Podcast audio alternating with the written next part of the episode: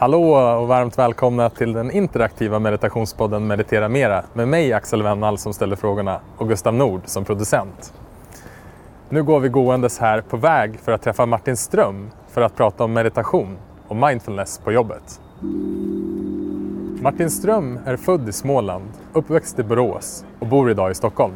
Han är civilingenjören som tröttnade på stressen i samhället och istället sadlade om till psykolog och mindfulnessinstruktör.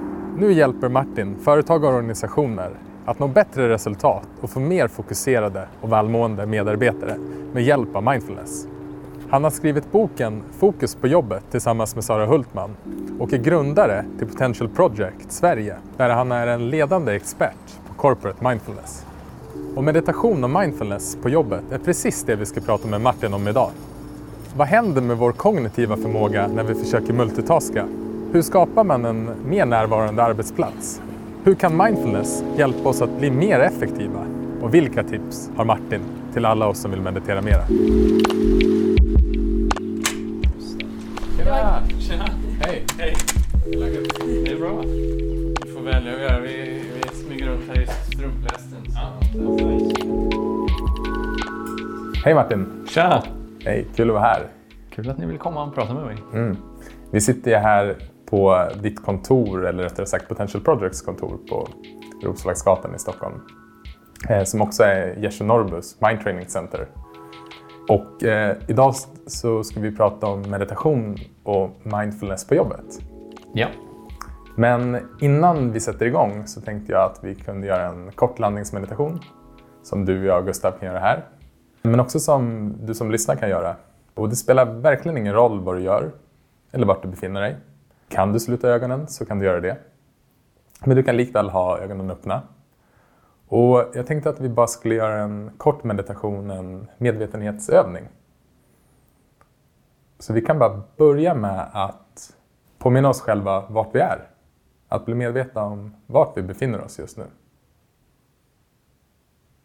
Och eh, om du har ögonen öppna så kanske du till och med kan se dagens datum och vad klockan är. Och oavsett om du har ögonen slutna eller ögonen öppna så kan du bara notera vad du ser just nu.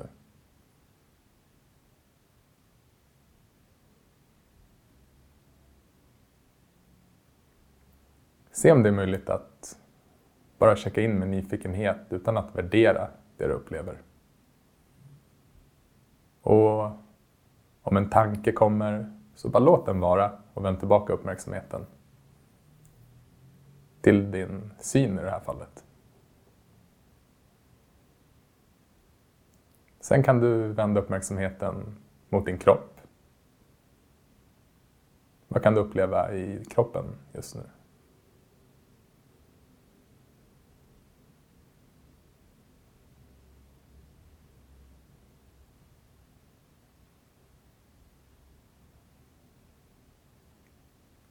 Och du kan fortsätta mot ditt andetag.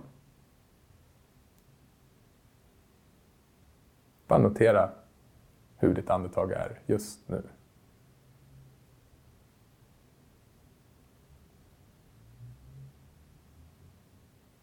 Och checka sedan in med dig själv bara hur du mår just nu. Kanske är det flera känslor samtidigt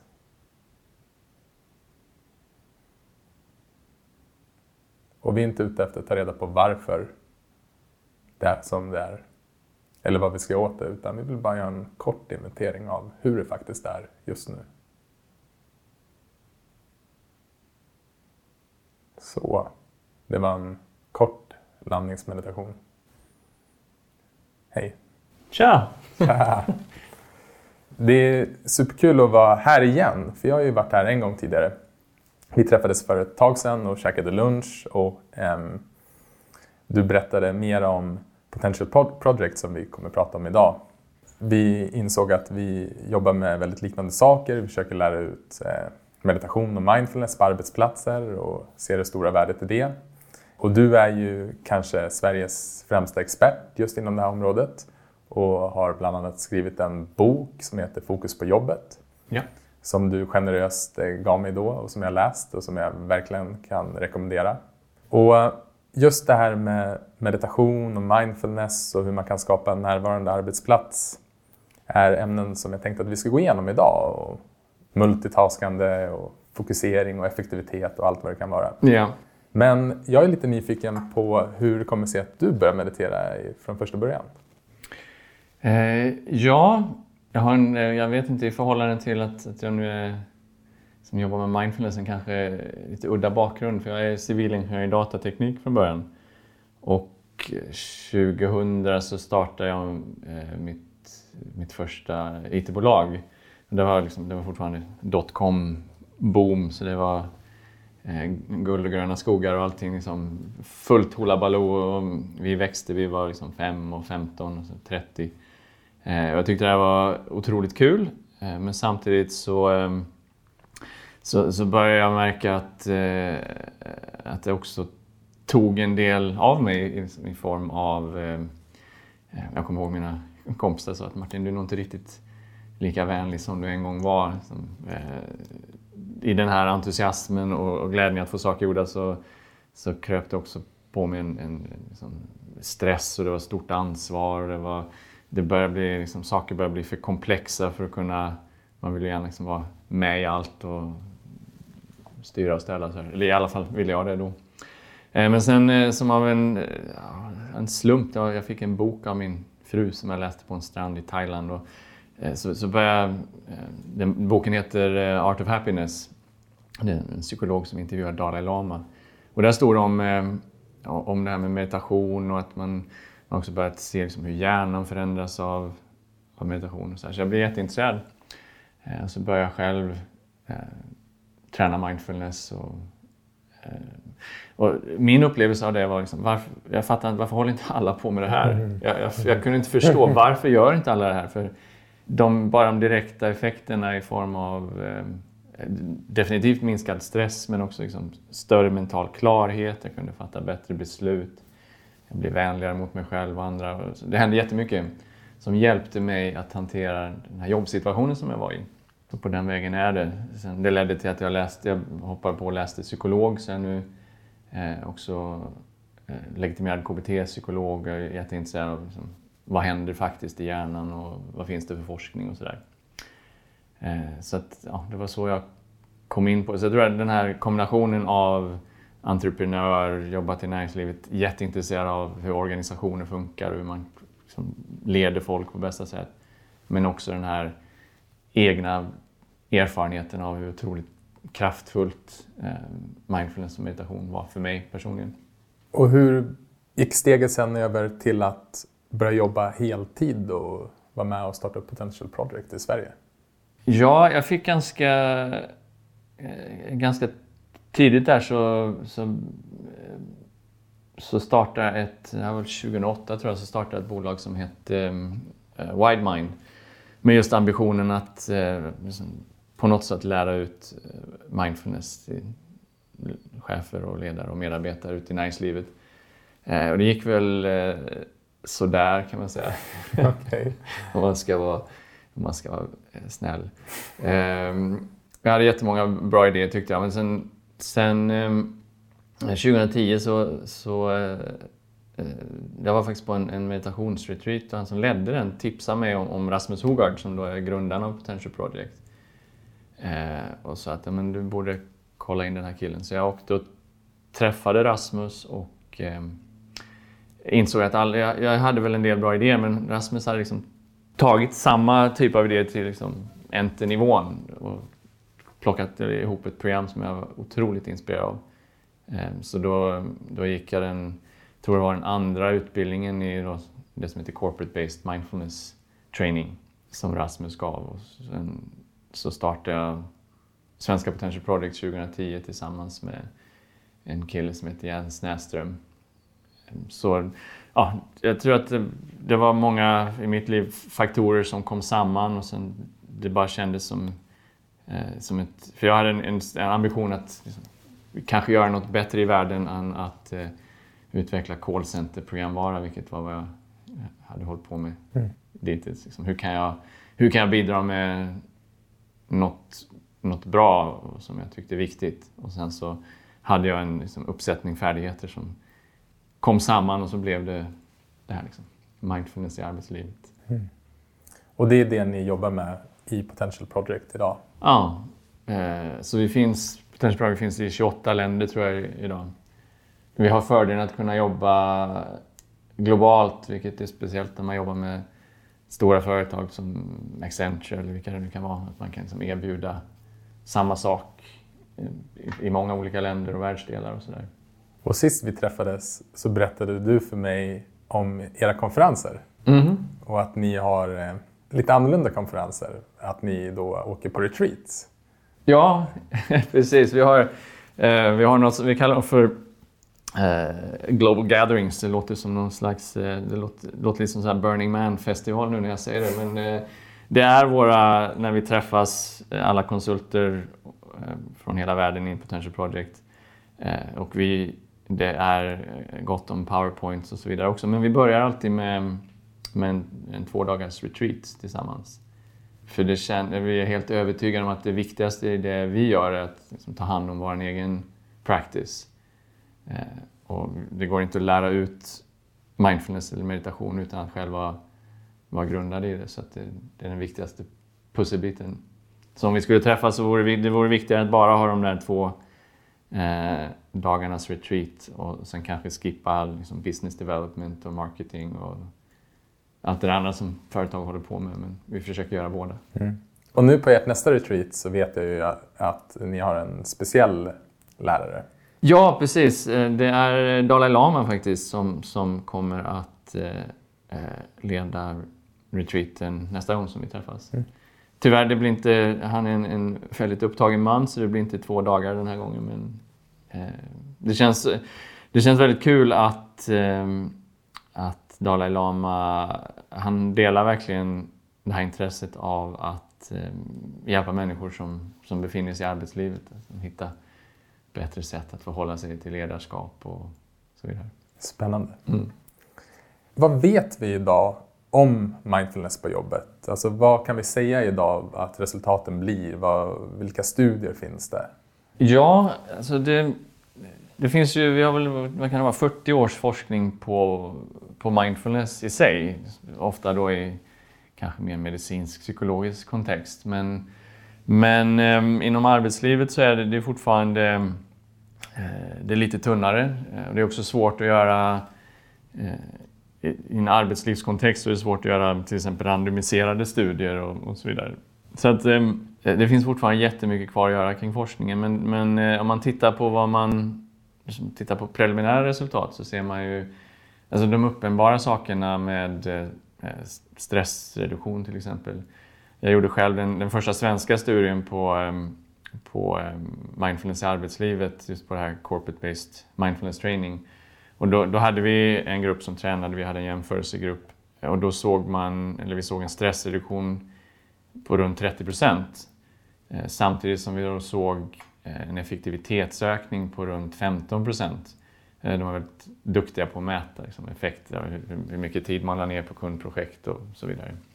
Så folk blir mindre stressade men samtidigt så, eh, så blir man också mer effektiv vilket ofta kommer av att man kan liksom, man är inte så impulsdriven, man kan fatta bättre beslut, man, kan, man har kanske lite mer eh, förmåga att reflektera och inte, inte vara sådär liksom, multitaskande och splittrad. Mm. Eh, men sen så ser vi också vad heter det, eh, det som man kallar för intention to quit, alltså önskan att säga upp sig minskar på företag som, som erbjuder mindfulness. Man, man trivs, man har en högre grad av arbetstillfredsställelse. Man ser också ett, en högre grad av prosocialt beteende. Chefer fattar mer etiska beslut. Ehm, så att det finns Ja, så det är dels, dels en effekt liksom, som är mer, kanske mer kulturell och ja, företagsorganisatorisk. Liksom, företagen fungerar bättre och kanske blir mer orienterade kring eh, värderingar och sådär. Men också att enskilda medarbetare faktiskt mår bättre. De kan, man får lägre grad av eh, det som man kallar för känslomässig utmattning som då är förstadiet till utbrändhet och så vidare. Man, man upplever sig mer fokuserad eh, och mindre splittrad. Ehm, vi, allting vi gör så, så mäter vi alltid liksom före och efter ehm, så att vi kan hålla koll på, på effekter av insatser. Det, kanske, det är inte, inte supervetenskapligt men vi använder i alla fall vetenskapliga skalor mm. Eh, för att titta på, på effekter. Mm. Ja, men eh, det är en av eh, kanske mina främsta drivkrafter till varför jag arbetar med meditation och lär ut det på arbetsplatser är just den insikten att tänk om jag hade kunnat meditera när jag hade det som absolut mm. mest stressigt i mitt liv. Mm. Och den insikten bygger ju på känslan att ja, men jag hade varit mindre stressad eh, och framförallt jag hade mått så mycket bättre. Mm. Och jag hade fått ett verktyg att kunna liksom, sortera vilka tankar som var värdefulla mm. där och då. För det är väl det som också det, det, ska väl också poängteras att det finns två dimensioner. Det finns en, en yttre stress som kanske är, beror på kraven ja. som vi har på arbetsplatsen och arbetsuppgifterna, arbetsbördan. Men sen har vi då den inre stressen ja. som är baserat på vad vi tänker och vad vi, vad vi hela tiden borde vara eller vad vi sådär. Ja. Hur ser du att meditation hjälper era deltagare med just den inre stressen? Um, ja, det finns ju det finns två dimensioner av eh, den, den, definitionen av mindfulness som, som, vi använder oss av har två dimensioner. Den ena dimensionen är fokus, eh, eller riktad uppmärksamhet och den andra eh, skulle man kunna kalla medvetenhet, ibland kallar man det metakognition. Ja. Men, men till att börja med att, att träna upp den här förmågan till fokus och Eh, riktad uppmärksamhet är extremt viktig idag eftersom att vi lever i en en miljö som är så distraktionsfylld. Det är liksom överfulla inkorgar och smartphones och öppna landskap. Och, eh, så, och vi, liksom, vi är splittrade, multitaskande och impulsdrivna. Så att, att för de, de vi jobbar med, det första steget är ofta att börja verkligen träna fokus helt enkelt. Mm. Eh, och det är, eh, om man tycker mindfulness är om det finns någon slags flumstämpel ibland så är det här extremt oflummigt för det, det handlar verkligen om någon form av mental effektivitet. Att där jag placerar min uppmärksamhet, om det är en person i ett möte eller om det är på rapporten jag skriver eller för den delen om det är med mina barn när jag sitter och äter med dem eh, kring middagsbordet. Om jag har den förmågan så redan där så kapar jag extremt mycket av, av eh, stressen. Eftersom att precis som du säger, stress är till väldigt stor del eh, det man kallar för ofrivillig tankevandring, tankar som går in i det förflutna. Herregud, varför jag borde ha sagt det, varför gjorde jag inte? Eller in i framtiden. Ja, just det, jag måste ringa den där och jag har en deadline. Inte någonting som pågår nu, men någonting som, som stressar oss så fort vi tänker på det. Eh, så, så bara träna fokus eh, kapar jättemycket av, av den upplevda stressen. Mm. Och det här kan de som lyssnar på träna på i det här avsnittet. Så varje gång er uppmärksamhet försvinner så kan ni bara vända tillbaka uppmärksamheten. Och då är, gör man den här typen av meditation eller koncentrationsträning. Ja.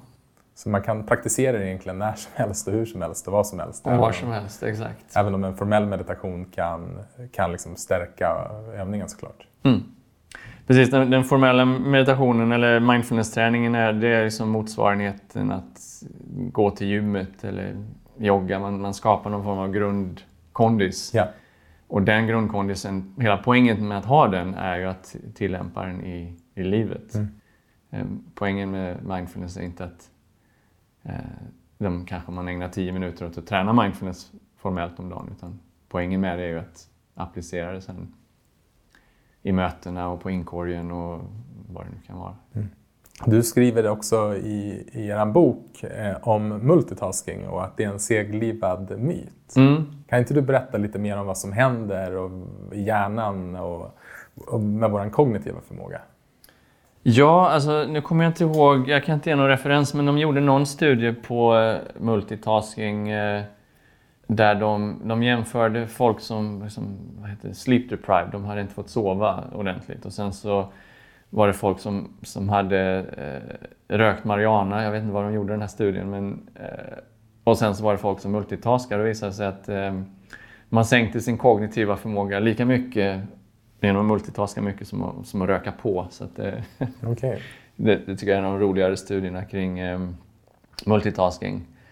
Eh, men det gjordes också en, en numera klassisk studie på Stanford University där man undersökte 4 eller 5 000 människor där man hade ambitionen att hitta goda multitaskare. Så man kunde liksom sätta ihop något slags program och lära ut multitasking i näringslivet.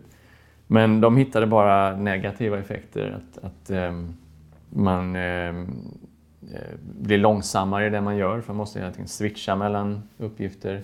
Man gör mer fel, man prioriterar sämre, man känner sig mer överväldigad och stressad och eh, man blir mindre kreativ och så vidare. Så att numera vet vi att hjärnan kan bara göra en sak i taget, om det är det minsta lilla kognitivt krävande. Sen kan vi switcha ganska snabbt, men varje gång vi gör det så, så tar det lite tid och det tar lite energi.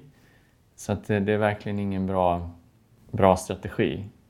För jag tror nyckeln där också är själva definitionen av att det är, det är tankekrävande uppgifter som vi inte klarar av. Vi kan ja. klara av att göra mer automatiska saker som till exempel gå och prata eller liknande. Men, Precis. Eh, för, eh, jag, jag, tror det var en annan studie som visade, påvisades att när man eh, multitaskade så föll man ner till en åttaårings kognitiva förmåga mm. också. Så att, eh, hur kan vi lära oss med hjälp av mindfulness och meditation att eh, ja, men vara med distraktioner? Jag tänkte vi på slutet av den här intervjun så eh, har jag blivit ombedd att leda en liten övning. Mm. Och då tänkte jag leda en eh, övning som heter ABCD-övningen, men vi återkommer till den. Men den, den, övningen handlar just om att träna upp den här förmågan att, att, att ha ett fokus, som, en, en uppmärksamhet som stannar där man placerar den. Eh, och sen den andra aspekten är att då bli medveten om när, när man har blivit distraherad och släppa taget om de distraktionerna och föra tillbaka uppmärksamheten. Så att, och det är precis, man, man kan träna upp den, det är nästan som vi har en uppmärksamhetsmuskel i hjärnan som vi kan träna upp. Och ju mer vi tränar på det, desto det mindre ansträngnings, eller ju mer ansträngningslöst så kommer fokus stanna där vi placerar det. Och desto mer uppmärksamma kommer vi bli på meningslösa distraktioner. Och det kan vara externa och det kan vara interna. Och det är precis det vi behöver göra i multitasking. Vi väljer någonting som vi placerar man upp, eller från single tasking då kanske. Mm. Vi väljer någonting som vi placerar man uppmärksamhet på. Jag vet att nu har jag valt att skriva det här mejlet. Och om vi börjar tänka på liksom festen ikväll eller om vi, det är någon spännande konversation som pågår liksom två platser bort så, så har vi förmågan att notera det och, och bara släppa det, låta det vara och komma tillbaka igen. Och ju mer vi tränar det formellt genom mindfulness-träning, desto bättre kan vi applicera det. Men också ju, ju, mer vi applicerar det i vårt vardagliga liv, desto bättre blir vi på det. Så att, um, det är helt enkelt en, en, fråga om att medvetet träna det. Mm. Och ju mer vi tränar det, desto mer så programmerar vi om våra hjärnor till, till att faktiskt ha det som ett defaultläge, att vara närvarande i det vi gör och inte tillåta oss att eh, splittras. Mm. För, för, problemet är också att många av dem jag jobbar med, de, de tycker det är så jäkla skönt att multitaska. För det, liksom, det är mycket på gång och det känns som man... Eh, det är lite, lite roligt att vara en person som är busy och... Eh, men de, man bara lurar sig själv. Mm. Det känns kanske skönt i stunden men det blir liksom pannkaka av mm. alltihop. Det blir ytterligare en tanke att man skapar en berättelse om att man är en person som kan klara av men i själva verket så går det inte. Nej, precis. Och det är den riktade uppmärksamheten. Och hur fungerar den öppna uppmärksamheten i, på arbetsplatser och hur man tränar det och vilka fördelar kan det finns, finns det genom att träna upp den? Hur går det till? Ja, precis. Det är då den andra. Eh, för om fokus är den ena, ena aspekten så, eh, så finns det också en nackdel med att vara Alltså det kan vara väldigt, man går in i det man kallar för flow och man är helt absorberad i någonting. Men då, på en arbetsplats så är det risk att man blir lite lätt, eh, jag på säga, autistisk, men man blir liksom man märker inte vad som pågår runt omkring en. Och, så ibland så behöver vi också ha den här, den här öppna, breda medvetenheten och uppmärksamheten. Och vi behöver också, vi behöver också vara närvarande med våra egna som känslor, tankar, impulser. Så att i, i, förhåll, i förhållande till fokusträning så är alla de här sakerna distraktioner. Men i förhållande till medvetenhetsträning så innehåller de alla viktig information. Så då handlar det snarare om att, att, att, eh, att kunna se det som pågår och kunna välja vad, vad är viktigt och vad är mindre viktigt. Så att jag kan släppa det som inte är relevant och lägga min energi på det som är relevant. Och det är också en förmåga som, som går att träna upp. Eh, och då kanske man, ja, på engelska pratar man om awareness training. Så vi har focus training och vi har awareness training. Mm. Eh, fokusträning och medvetenhetsträning då kanske. Mm. Men nyckeln då i, med, med en eh, awareness training är väl också att kunna, precis som du säger, att kunna se och kunna medvetet välja. Mm. Men sen att också rikta då, att släppa de andra mm. och låta dem vara distraktioner och istället föra sin, hela sin uppmärksamhet till det man gör där och då. Ja, exakt. Så att det blir, så uppmärksamheten kan vara mer som en spotlight som vi riktar på någonting. Mm. Eh, men den kan också vara mer panoramisk så vi liksom är medvetna om vad som pågår. Eh, vi ser våra egna... Ofta så hamnar vi i liksom automatiserade sätt att agera. Vi, saker har ändrats i verkligheten men vi är inte i kontakt med verkligheten. Vi är bara liksom fast i våra egna mm.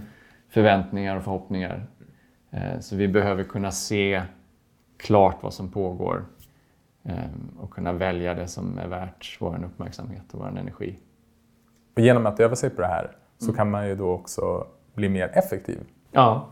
Och eh, jag tycker ni har ett, eh, ett fint stycke i boken där ni beskriver eh, effektivitet och att vi på svenska bara har ordet effektivitet, mm. men på engelska har man två ord. Kan inte du beskriva lite grann hur du ser på effektivitet och hur, det, hur mindfulness kan hjälpa oss att faktiskt bli mer effektiva på jobbet? Ja, alltså det, det finns en sån här um, klassisk um, princip som säger att eh, ungefär 20 procent eh, av det vi gör, 20 procent av vår ansträngning, leder till 80 procent av vår output eller vårt resultat. Medan de andra 80 procenten av det vi gör bara ger 20 procent av resultaten. Så att man måste lära sig att skilja, skilja på att bara för att vi gör en massa saker, vi kan se väldigt produktiva ut men vi är inte alls effektiva för vi gör fel saker. Eh, vi, vi prioriterar inte rätt. Mm. Så att bara genom att, att vara, utveckla liksom mer klarsynthet, bli mindre impulsdriven men också kunna... I mindfulness-träning ligger också förmågan att kunna stå ut med lite till exempel obehaget som uppstår när man säger nej till någon. Man vet att det där är inte min grej men om jag, om jag, om jag säger nej nu så kommer den där liksom den, kommer, den bollen kommer att ramla i golvet. Men jag måste låta den ramla i golvet för annars kommer inte liksom, organisationen lära sig att ta hand om den. Jag kan inte liksom, täcka upp för alla runt omkring mig. Vilket vi, men så fort vi tar det beslutet så känns det lite jobbigt. Vi måste stå ut med det obehaget och fatta ett klokt beslut. Så att med mindfulness, både förmågan till fokus men också förmågan till medvetenhet, så lär vi oss att rikta in vår ansträngning på de där 20 procenten som, som ger 80 procent av effekten. Eh, och då plötsligt så frigör vi en massa tid eh, som vi inte trodde att vi hade. Och den tiden kan vi använda till att kanske stanna upp och reflektera. Vi, vi pratar om, i det här CBMT-programmet så pratar vi om speeding up by slowing down. Vi tror att vi blir effektivare genom att springa fortare och mer och, och liksom men i själva verket så blir vi effektivare genom att sakta ner, ta pauser, fatta kloka beslut, välja på rätt sätt. Ehm, och då blir vi effektivare med, med mindre ansträngning. Mm. Så att vi, vi, måste skilja mellan eh, effektivitet och faktiskt att bara liksom springa runt i hamsterhjulet och bränna massa energi i onödan. Får mig att tänka på sägningen eh, meditera 20 minuter om dagen och om du inte har tid med det så meditera en timme. Mm. Det är väl också en av de här delarna som man, man måste faktiskt uppleva det själv. Och mm. Det blir ju en paradox men på något sätt så frigör man mer tid genom att ta sig tiden och meditera. Ja. Och på vilka sätt kan då mindfulness göra oss mer effektiva på jobbet? Ja, alltså först och främst så eh, personligen så tycker jag man, man behöver också backa tillbaka ett steg och sen så fundera kring varför är man på, på jobbet överhuvudtaget? Ehm, och det kan ju vara för att man, liksom, man behöver sätta mat på, på bordet och, och, man behöver ha en inkomst överhuvudtaget. Ehm, men om man har lyxen att faktiskt eh, ha ett jobb som man känner är meningsfullt, vilket jag verkligen önskar eh, så många som möjligt. Eh, och om man verkligen är vad heter alignad med, med den här organisationens eller företagets värderingar och man anser att det man gör faktiskt bidrar med något gott i världen. Om man är i den situationen, om man är så pass privilegierad, så kan man fråga sig varför skulle jag inte vilja vara effektiv i det jag gör? Ehm, ja, men om, om vi faktiskt gör något bra, då varför inte göra så mycket som möjligt av det och, och eh, så bra som möjligt och så effektivt som möjligt. Problemet är att, att ofta så förknippar vi ju effektivitet med med liksom att vara sönderstressad och eh, vi tror att vi, vi, kan bara bli effektivare genom att stressa mer. Mm. Men hela poängen med mindfulness är att inse att det är intressant. Vi kan bli effektivare och samtidigt stressa mindre och uppleva mer inre balans och fokus. Eh, men det handlar helt enkelt om att, att göra rätt saker, både som individ och som organisation. Att fatta rätt beslut men, men det kommer vi aldrig kunna göra om vi hela tiden är liksom i någon form av kampflykt eh, aktivering och vi är liksom pressade till, till max och vi hinner aldrig tänka efter och vi bara kutar runt som skållade råttor allihop.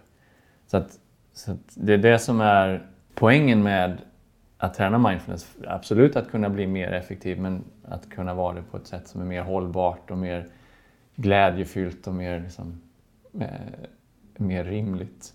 Mm. Vi har varit inne på det ett par gånger om att trivas på jobbet och du nämnde också att eh, ni kunde se era program att folk faktiskt trivdes bättre på jobbet mm. efter att ha gått dem. Ja. Hur kommer det sig tror du? Eh, jag tror det är flera saker. Dels, eh, dels så rent att om man får verktyg eller förmågan att, att som hantera det där. För det, det kommer alltid att vara otillfredsställande på alla arbetsplatser. Det är, allt, det liksom, det det är fel kollegor och fel chefer och liksom fel rutiner och fel kunder. Men med mindfulness så får man eh, verktyg att förhålla sig till det bättre. Man kan liksom acceptera det som inte går att påverka och, och, se vad man kan göra någonting åt. Men utan att lägga massa energi på oro eller mm, stress och så vidare som kommer då, som du sa, från inifrån, inte utifrån. Så det är ena aspekten, man, man kommer helt enkelt må bättre för att man kan förhålla sig bättre till, till sin arbetsverklighet. Mm. Men sen också när man, när man som grupp, och det är därför vi tycker det är extremt viktigt att göra det här med en hel arbetsplats eller en hel ledningsgrupp, och man gör det över tid. Eh, för då, då kommer man också börja diskutera saker som, som är lite, kanske lite mer eh, viktiga viktiga, djuplodande för oss som människor. Eh, vi kommer att förhålla oss olika, eller på ett annat sätt till varandra som kollegor och som, som medarbetare. Vi kommer också vi kommer börja bli vänligare mot oss själva när vi blir mer, mer uppmärksamma på oss själva. Vi kommer bli vänligare mot andra när vi blir mer uppmärksamma på andra. Så, att, så graden av, liksom, vi ser graden av, av empati och omtanke, medkänsla öka. Vilket skapar bättre kulturer ehm, Google gjorde en studie där de letade efter de mest, den, den faktor som gjorde deras mest effektiva team effektiva. Och det de hittade var vänlighet, kan man typ sammanfatta det som. Eh, så att det är klart att om, om mindfulness-träningen, både fokus och medvetenhetsträningen, leder till att vi blir vänligare mot oss själva och andra så är det klart att folk trivs eh, bättre på jobbet. Det kanske också leder till att vi kommer mer i kontakt med, som jag säger, mer, mer vi blir mer värderingsdrivna. Liksom. Varför gör jag det här? Och då blir det också, känner vi en ökad grad av meningsfullhet i det vi gör. Vi blir mer engagerade. Vi kanske känner mer tillit till de som, som är satta att leda oss och så vidare. Och alla de där faktorerna leder till att vi trivs bättre på jobbet.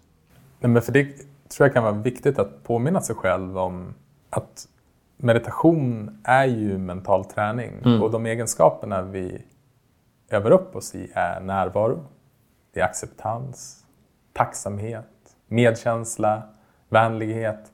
Så alla de här egenskaperna kommer ju appliceras in i våra liv. Mm. På arbetsplatsen och hemma. Eh, och det tycker jag är, liksom en av de mest fascinerande delarna. Att, ja, men, hjärnan är ju formbar av allt vi gör. Så Ja. att om vi tränar oss på att vara snälla mot oss själva så kommer vi bli snällare mot oss själva. Ja. Om vi tränar oss på att försöka vara mer fokuserade så kommer vi bli mer fokuserade. Ja. Så det handlar ju någonstans om att göra det här medvetna valet. Ja. Vad vill jag ha mer av mitt liv? Ja. Och sen öva sig Ja. mot det. Eh, och också se att ehm, som den senaste boken som um, där kommer ut på svenska nu i vår, där jag är också medförfattare, heter Mind of the Leader, eh, skriven i samarbete med ja, Rasmus Hogard huvudförfattare, skriven tillsammans med eller utgiven på Harvard Business Review. Och den är riktad mot ledarskap. Och vi har gjort eh, tre års forskning tillsammans med, med Harvard Business Review för att hitta liksom, vad är det för egenskaper som, som en effektiv ledare behöver ha i 20 århundradets arbetsliv. Och det vi fann i forskningen det är ju mindfulness, vilket kanske inte är så överraskande. Men det är också eh, selflessness och compassion, så osjälviskhet och medkänsla. För vi har också vi har någon slags eh, nidbild av att om man ska vara en effektiv chef då måste man kanske vara en ganska liksom, hårdhudad. Vi, vi har läst om att det finns en överrepresentation av psykopater bland höga chefer och så vidare. Men det visar sig när man tittar så visst, det finns också en överrepresentation av riktigt höga chefer av folk som är eh, väldigt altruistiskt motiverade och som, som, eh, som faktiskt betonar de här kanske mjukare värdena som, som omtanke, empati och, och medkänsla. Så att det handlar också om att våga lita på att vi kan vara superbra chefer men vara väldigt snälla. För vi, ibland så tror jag att eh, om man är snäll då, liksom, då kommer man folk att eh, vad heter det? De, man kommer bli deras dörrmatta och de kommer utnyttja en. Så man måste liksom vara... Eh, men det vis, forskningen visar väldigt tydligt att om vi utvecklar medkänsla så kommer det leda till att vi får högre lön. Det kommer bli med, leda till att vi skattas, om vi är chef så skattas vi av våra medarbetare som en bättre chef och vi kommer att leda våra organisationer mer effektivt. Så att vi, det som är coolt med, med den forskningen är att vi kan också lita på att det är helt okej okay att utveckla mer vänlighet, mer medkänsla, mer, eh, mer tålamod och så vidare. Vi behöver inte oroa oss för att det kommer att gå sämre i karriären om, om vi nu eh, liksom levde under den missuppfattningen. Hur har ni då kunnat liksom se skillnaderna mellan en snäll chef och då en chef som kanske inte är snäll?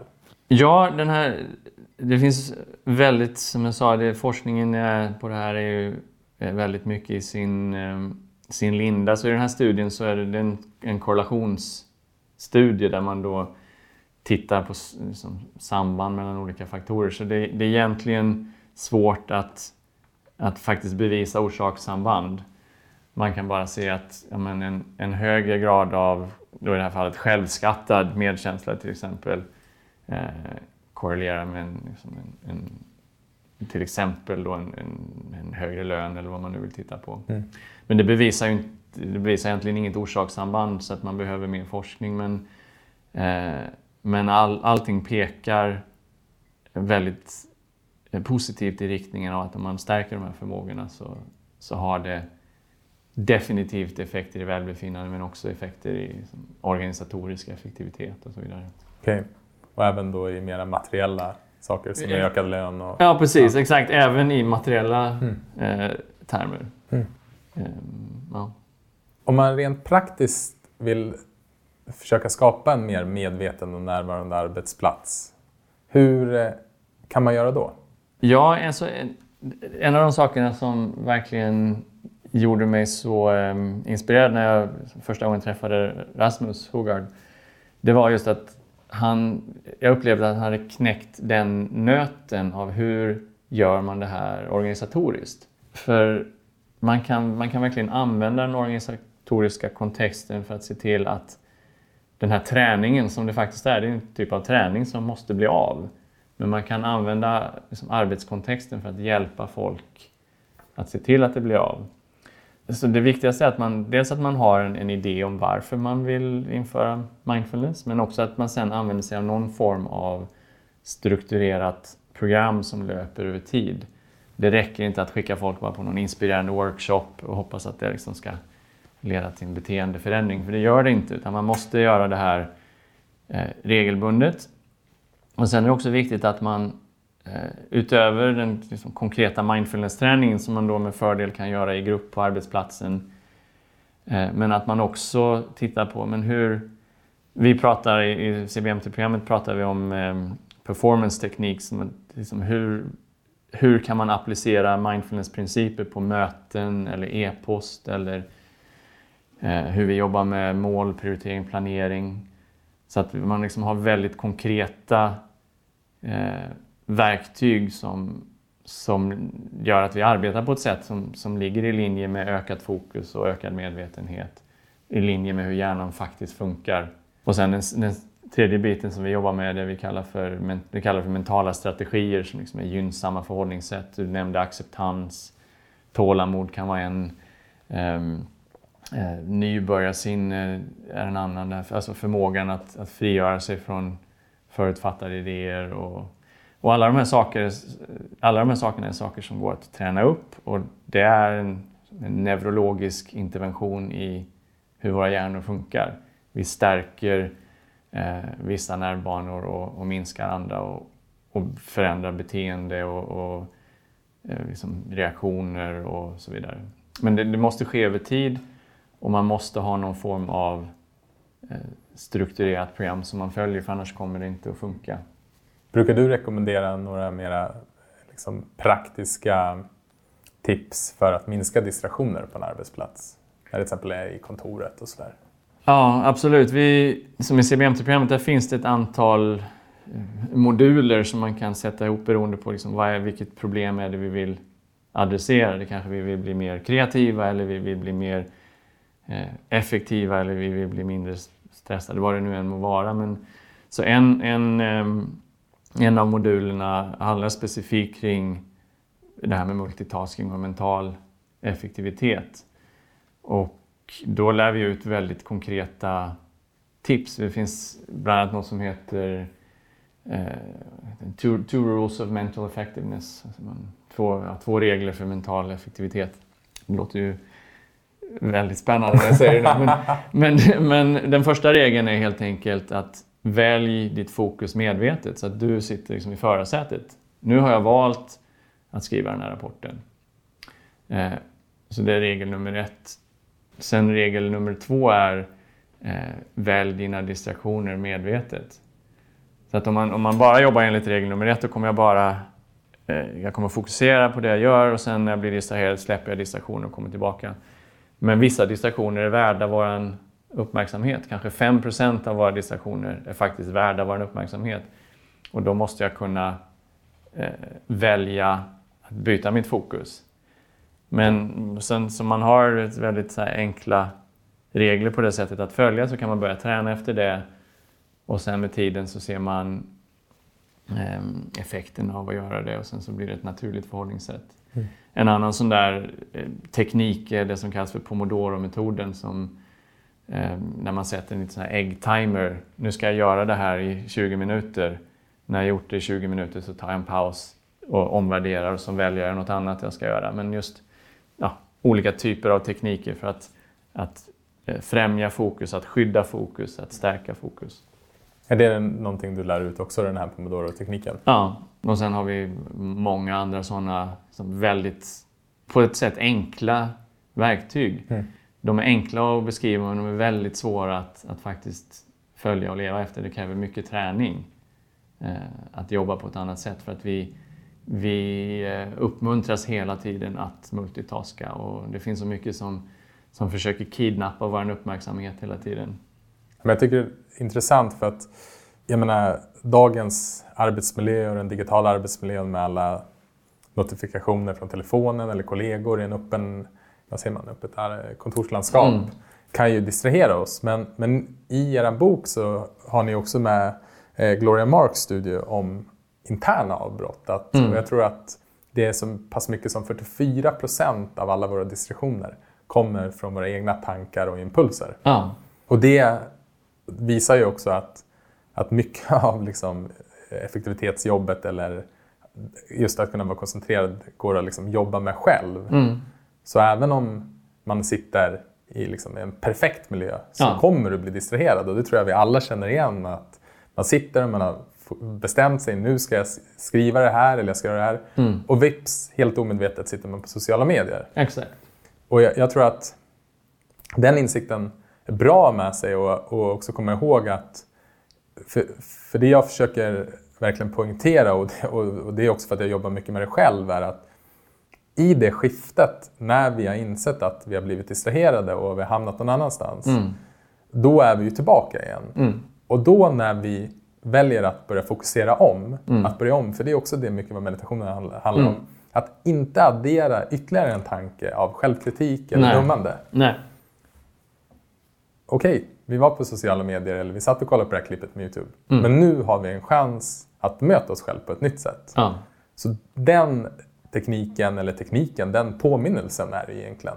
Den blir så himla viktig. Ja. För om vi ska slå på oss själva, och nej, nu misslyckades jag igen. Så kommer det vara en jobbig resa. Ja, absolut. Eh, när vi, vi brukar prata om, om distraktionerna, som, speciellt när man gör den här fokusövningen, att, att se dem som vänner snarare än, än liksom fiender. För precis som du säger, när vi fångar en distraktion, det är precis hela poängen med övningen, för det är ett ögonblick av medvetenhet.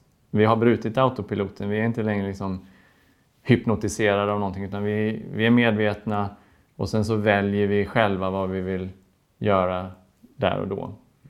Eh, så att det är också en, för, det är också en risk där när man, man pratar om, speciellt när man pratar om effektivitet, för vi är sådana overachievers och vi är sådana perfektionister och vi, vi liksom bankar på oss själva när vi inte liksom, alltid är 100% eh, perfekt. Så det handlar också om att, att hur kan vi bli mer easygoing? Eh, hur kan vi ha mer av liksom, eh, it's good enough? Eh, våga skicka iväg den där eh, offerten när vi, när vi tycker att den är 80% klar. Istället för att liksom sitta timme ut och timme in för att kämpa för att få till perfektion. Eh, så att vi blir, för det är också en, en, eh, ett sätt att bli mer effektiv på, att, att vara mindre, mindre perfektionistisk och mindre dömande mot sig själv. Och, och inte ha den här överlagringen med, inte nog med att vi blir distraherade, vi, kan liksom, vi måste också slå på oss själva för det. Eh, ja. Hur mediterar du idag? Ja, jag försöker, eh, jag försöker börja varje morgon med ungefär 30 minuters meditation. Ehm, Och sen så försöker jag att, att hitta tillfällen under dagen och det, ibland så kan det räcka med liksom 30 sekunder. Jag vet inte, man kanske kan, det är väl kanske en, meditation eller en mindfulnessövning. 30 sekunder av att bara släppa allting, komma tillbaka med uppmärksamheten. Eh, och det kan, det kan, de 30 sekunderna kan förändra en hel dag. Om man bara kommer ihåg att göra det. Eh, men sen också ha kanske någon, någon 10 minuter här och, då- här och var. Och sen försöker jag också sluta dagen med kanske 15 minuters eh, meditation som också då innefattar eh, någon form av eh, reflektion. Så jag liksom går tillbaka och liksom, vad, vad gjorde jag idag som jag tyckte funkade bra? Vad gjorde jag idag som kanske inte var lika lyckat? Och hur ska jag liksom förändra det här inför, inför nästa dag? Så om man, om man börjar dagen med att sätta en god intention, ja men jag vill verkligen eh, vad heter det? show up as the best, best me. Sen kommer man att misslyckas i den ambitionen hundra gånger den dagen. Men det är som allt annat, man, man, eh, utan att döma eller liksom ha någon form av skuld kring det. Men, ja, men det där jag sa, det var kanske inte så jäkla bra. Mm. Så imorgon så ska jag försöka, kanske till och med ska gå till den personen och be om ursäkt. Eller så ska jag försöka att liksom, eh, agera annorlunda. Och gör man det, dag efter dag så kommer man att skapa eh, vanor som, som kanske är mer de vanorna som man vill ha. Eh, för vi, vi är ett enda stort knippe vanemönster. Eh, och för mig så handlar meditation jättemycket om att, att förändra de vanemönstren i en, positiv riktning. Så att formell meditation, för att faktiskt svara på din fråga, så kanske det är, det är kanske en timme om dagen. Eh, men sen så också några så små mm. kortare övningar eh, under dagen. Vi människor har ju den fantastiska förmågan och det hjälper ju verkligen meditation oss att börja om igen. Mm. Så äh, även om man sitter på ett möte som man känner äh, har gått superdåligt mm. så kan man i samma ögonblick som man blir medveten om det mm. så kan du börja om. Du kan släppa det förflutna mm. och bara ge det din fulla uppmärksamhet och göra det bästa av den situationen.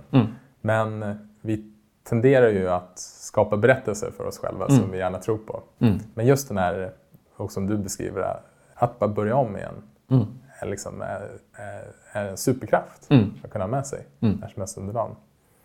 Har du gjort något misstag sen du började meditera som du skulle varna andra för eller någonting som du ser som händer när folk börjar meditera? Um, jag tror inte att jag har upplevt några liksom, vad ska vi säga, negativa eh, effekter av att meditera. När, när, jag, när jag började liksom, träna mindfulness och meditera så, så blev jag medveten om hur sjukt mycket som pågick i mitt eget sinne. Liksom, hur galen min hjärna var. Jag var inte ens medveten om det. Liksom, hur mycket meningslöst, alltså man, bara man kliver in i en tunnelbanevagn och så har man redan liksom dömt 20 personer för hur de ser ut och vad de gör. Liksom bara bla, bla, bla, bla, bla. Eh, och att bli medveten om det var eh, smärtsamt på ett sätt. Eh, för liksom, herregud, det här var ett liksom, obehagligt neighborhood. Här vill jag inte hänga. Eh, men, men att bli medveten om saker är liksom första steget att, att kunna förändra dem. Så jag, jag kan inte säga att jag har, jag har hittat några, några negativa effekter av att meditera annat än att ibland, som man säger, så här, ignorance is bliss. Ibland så kanske det var skönare att inte, inte bli medveten om någon, liksom, någon viss vanemönster eller någon viss liksom, sak som man kanske inte är så stolt över. Men samtidigt, vad är, vad är, emot, liksom, vad är alternativet? Att inte vara medveten om det. Det är ju inte bättre. Nej. Vad har du för tips till alla oss som vill meditera mer? Jag skulle säga att, att börja i Eh, en liten skala. Det är väldigt mycket viktigare med regelbundenhet än liksom stora doser.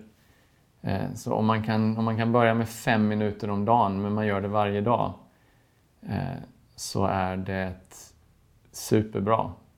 Och, och bara vara helt nöjd med det. Om det är fem minuter, så var nöjd med fem minuter. Det är fantastiskt. Det kommer att göra skillnad. Och också betona vad ska jag säga, kvalitet över kvantitet om man kan sitta ner i fem minuter och man känner att ja, men nu har jag liksom, eh, det har varit, jag har haft bra fokus, jag har varit medveten om, jag har inte bara suttit och dagdrömt i för man försöker, om man sätter sig en halvtimme som nybörjare så kommer man mest att sitta och dagdrömma och inte vara speciellt närvarande alls. Så att betona kvalitet över eh, kvantitet. Och sen också slutligen att, att om man nu ska sätta en vana så, så, behöver man göra det oavsett om man känner för det eller inte. Så man kan inte bara meditera de dagarna där det känns som nu skulle vara, eh, nu skulle det vara gott med lite mindfulness-träning här. Utan kanske just de dagarna det känns som jag, jag har ingen, det funkar, jag kan inte sitta, jag har inte tid, bla bla bla, jag är uttråkad, whatever. Att verkligen sitta de dagarna. Eh, för det är då det också kanske har mest effekt. Så att om man ska börja så kanske göra, liksom, göra ett åtagande. Jag kommer att under två veckors tid så ska jag göra fem eller tio minuter om dagen. No matter what. Och sen utvärderar jag. Eh, gav det här mig någonting? Och förhoppningsvis så kommer man att ha hittat en massa positiva effekter och så är man inspirerad att, att fortsätta. Men i början så behöver man ha en viss mått av eh, disciplin.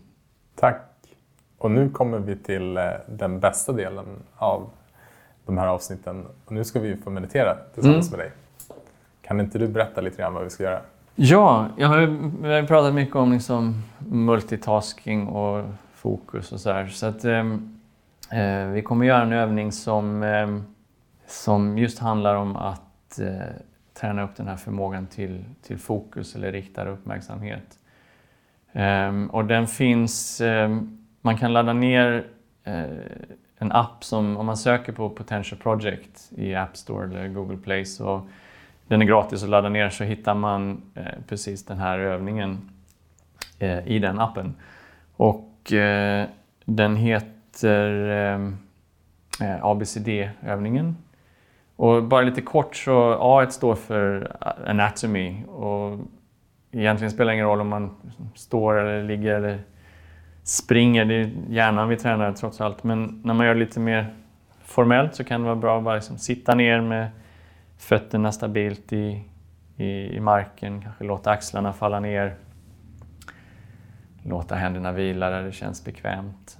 Eh, och sen B står för ehm, breathing. Så det är ingen andningsövning, man behöver liksom inte andas på något speciellt sätt utan andningen blir bara ett, ehm, ett objekt för vårt fokus, någonting att rikta uppmärksamheten mot. Så man kan se om man kan eh, uppleva hur andningen känns till exempel i magen som, som höjer och sänker sig och sen bara stanna kvar med, med uppmärksamheten där. Kanske vara lite nyfiken på hur det faktiskt känns att andas. Eh, och sen C, det står för eh, counting, att vi som ett stöd för uppmärksamheten så räknar vi andetag. Så man, man andas in och så andas man ut och så räknar vi ett, in, ut, två och sen fortsätter vi så upp till tio andetag. När vi når till tio så, så går vi baklänges 9, 8, 7 så vidare ner till ett igen. Och sen D slutligen, det står för eh, distraktioner. Och det är eh, vi kommer upptäcka ganska snart när vi, vi väljer att placera uppmärksamheten på vår andning. Men ganska snart så kommer det dyka upp tankar och ljud och minnen och känslor och impulser som, som kidnappar vår uppmärksamhet. Eh, och när det händer så, så kan vi bara notera att vi har blivit distraherade och så släpper vi taget om distraktionen. Vi behöver inte följa den just nu. Och sen så för vi varsamt tillbaka uppmärksamheten till andningen igen. Så det är hela det hela ABCD. Så jag tänkte att vi skulle ta några minuter eh, och faktiskt göra den där övningen.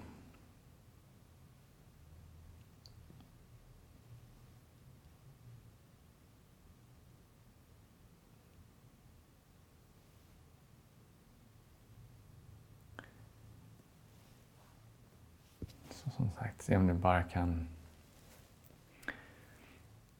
rikta uppmärksamheten med nyfikenhet och intresse mot andningen. Och bara vila den på de fysiska förnimmelserna av luft som flödar in och ut ur kroppen.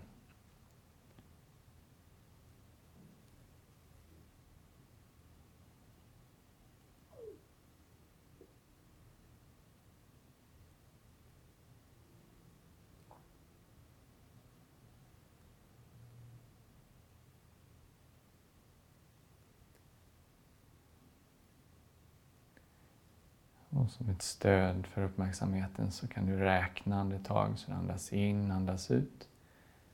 Räknar ett. In, ut två. Upp till tio och sen tillbaka ner till ett igen.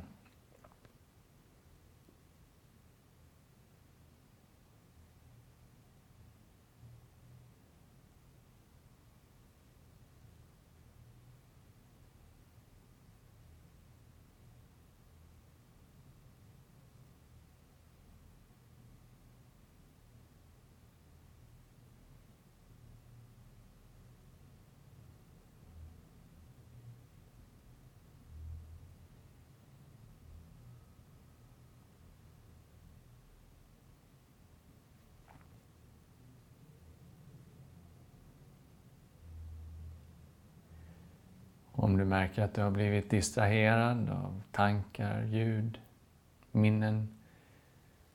Så se om du bara varsamt kan släppa taget om distraktionen. föra tillbaka din uppmärksamhet igen. Fortsätta iaktta andetag och fortsätta räkna andetag.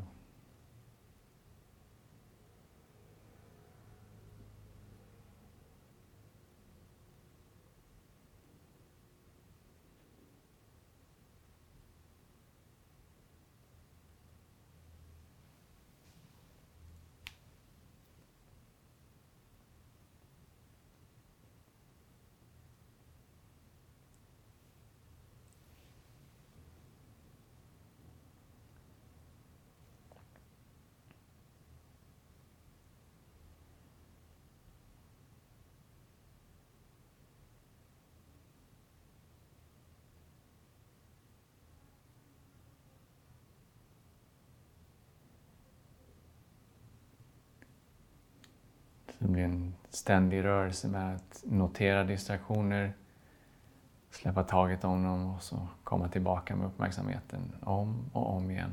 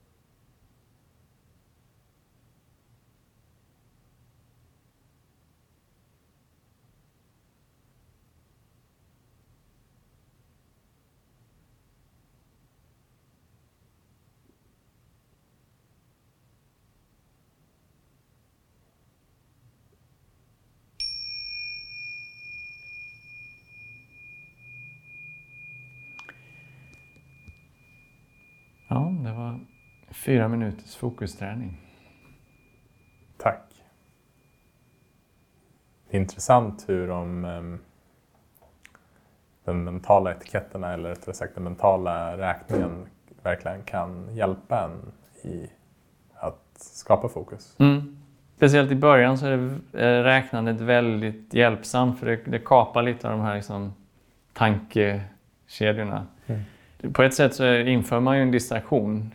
På ett sätt multitaskar man för uppgiften är att fokusera på andningen och så räknar man också. Mm. Eh, så att förr eller senare så, så kan man liksom släppa räknandet.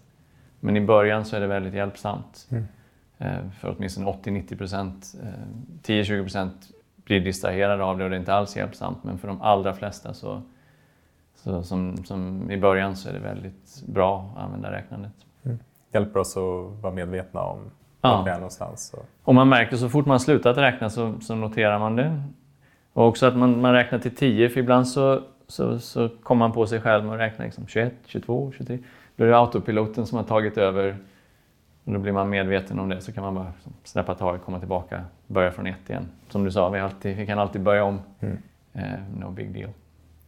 Om man vill komma i kontakt med dig och ditt arbete här på Potential Project, hur gör man det bäst? Man kan gå in på vår hemsida eh, potentialproject.com eller se. Eh, man kan, man kan mejla mig, martin.strom, som är ström, at potentialproject.com.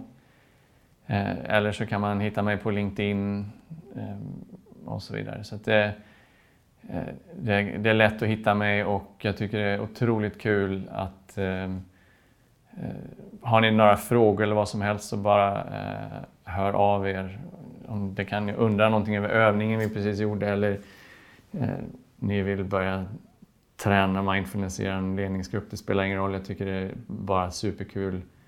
Jag älskar att, att liksom prata om och kring de här sakerna så att eh, hör av er så, eh, så tar vi det därifrån. Mm.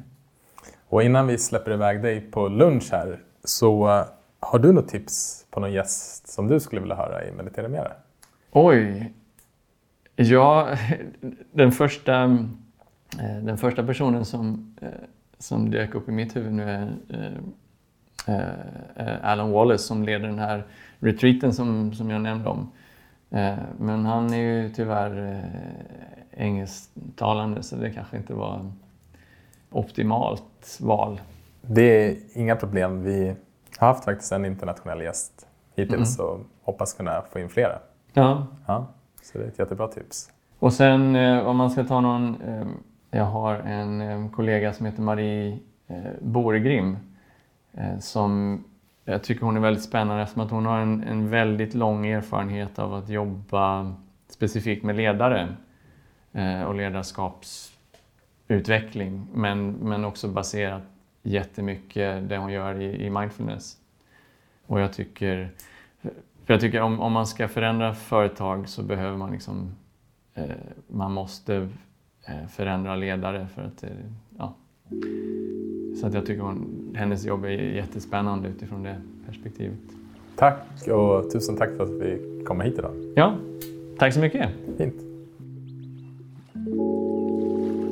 Tack för att du har lyssnat på det här avsnittet av Meditera Mera med Martin Ström. Vi hoppas att du har blivit inspirerad av vårt samtal och av Martins meditation. Om du vill komma i kontakt med Martin och Potential Project hittar du hans kontaktuppgifter på vår hemsida breathein.se. Och vi som gör den här podden är jag, Axel Wennall, som arbetar som meditationscoach och Gustav Nord som driver produktionsbolaget FlipFlop Interactive. Tillsammans har vi Breathe In där vi arrangerar kombinerade meditations och äventyrsresor där vi med hjälp av natur, meditation och äventyr försöker bli mer närvarande både på våra resor och hemma. Och en sak som är viktig att belysa det är att meditation inte är en teori som vi kan lära oss genom att lyssna om det eller läsa böcker. Det kallas meditationsövning just för att vi behöver öva, vi behöver meditera. En annan liknelse är att genom meditation så kan vi bli mer närvarande. Och närvaro är en färdighet, precis som att vi kan lära oss att spela ett instrument eller en sport. Och ju mer vi övar, desto bättre blir vi. Eller snarare, desto mer närvarande blir vi. Det är också därför vi har valt att klippa fram ett bonusavsnitt från varje avsnitt där bara meditationen ingår. Men med det sagt så hoppas vi att våra samtal kan inspirera dig till att meditera och att våra bonusavsnitt kanske kan hjälpa dig på traven. Det är i alla fall syftet.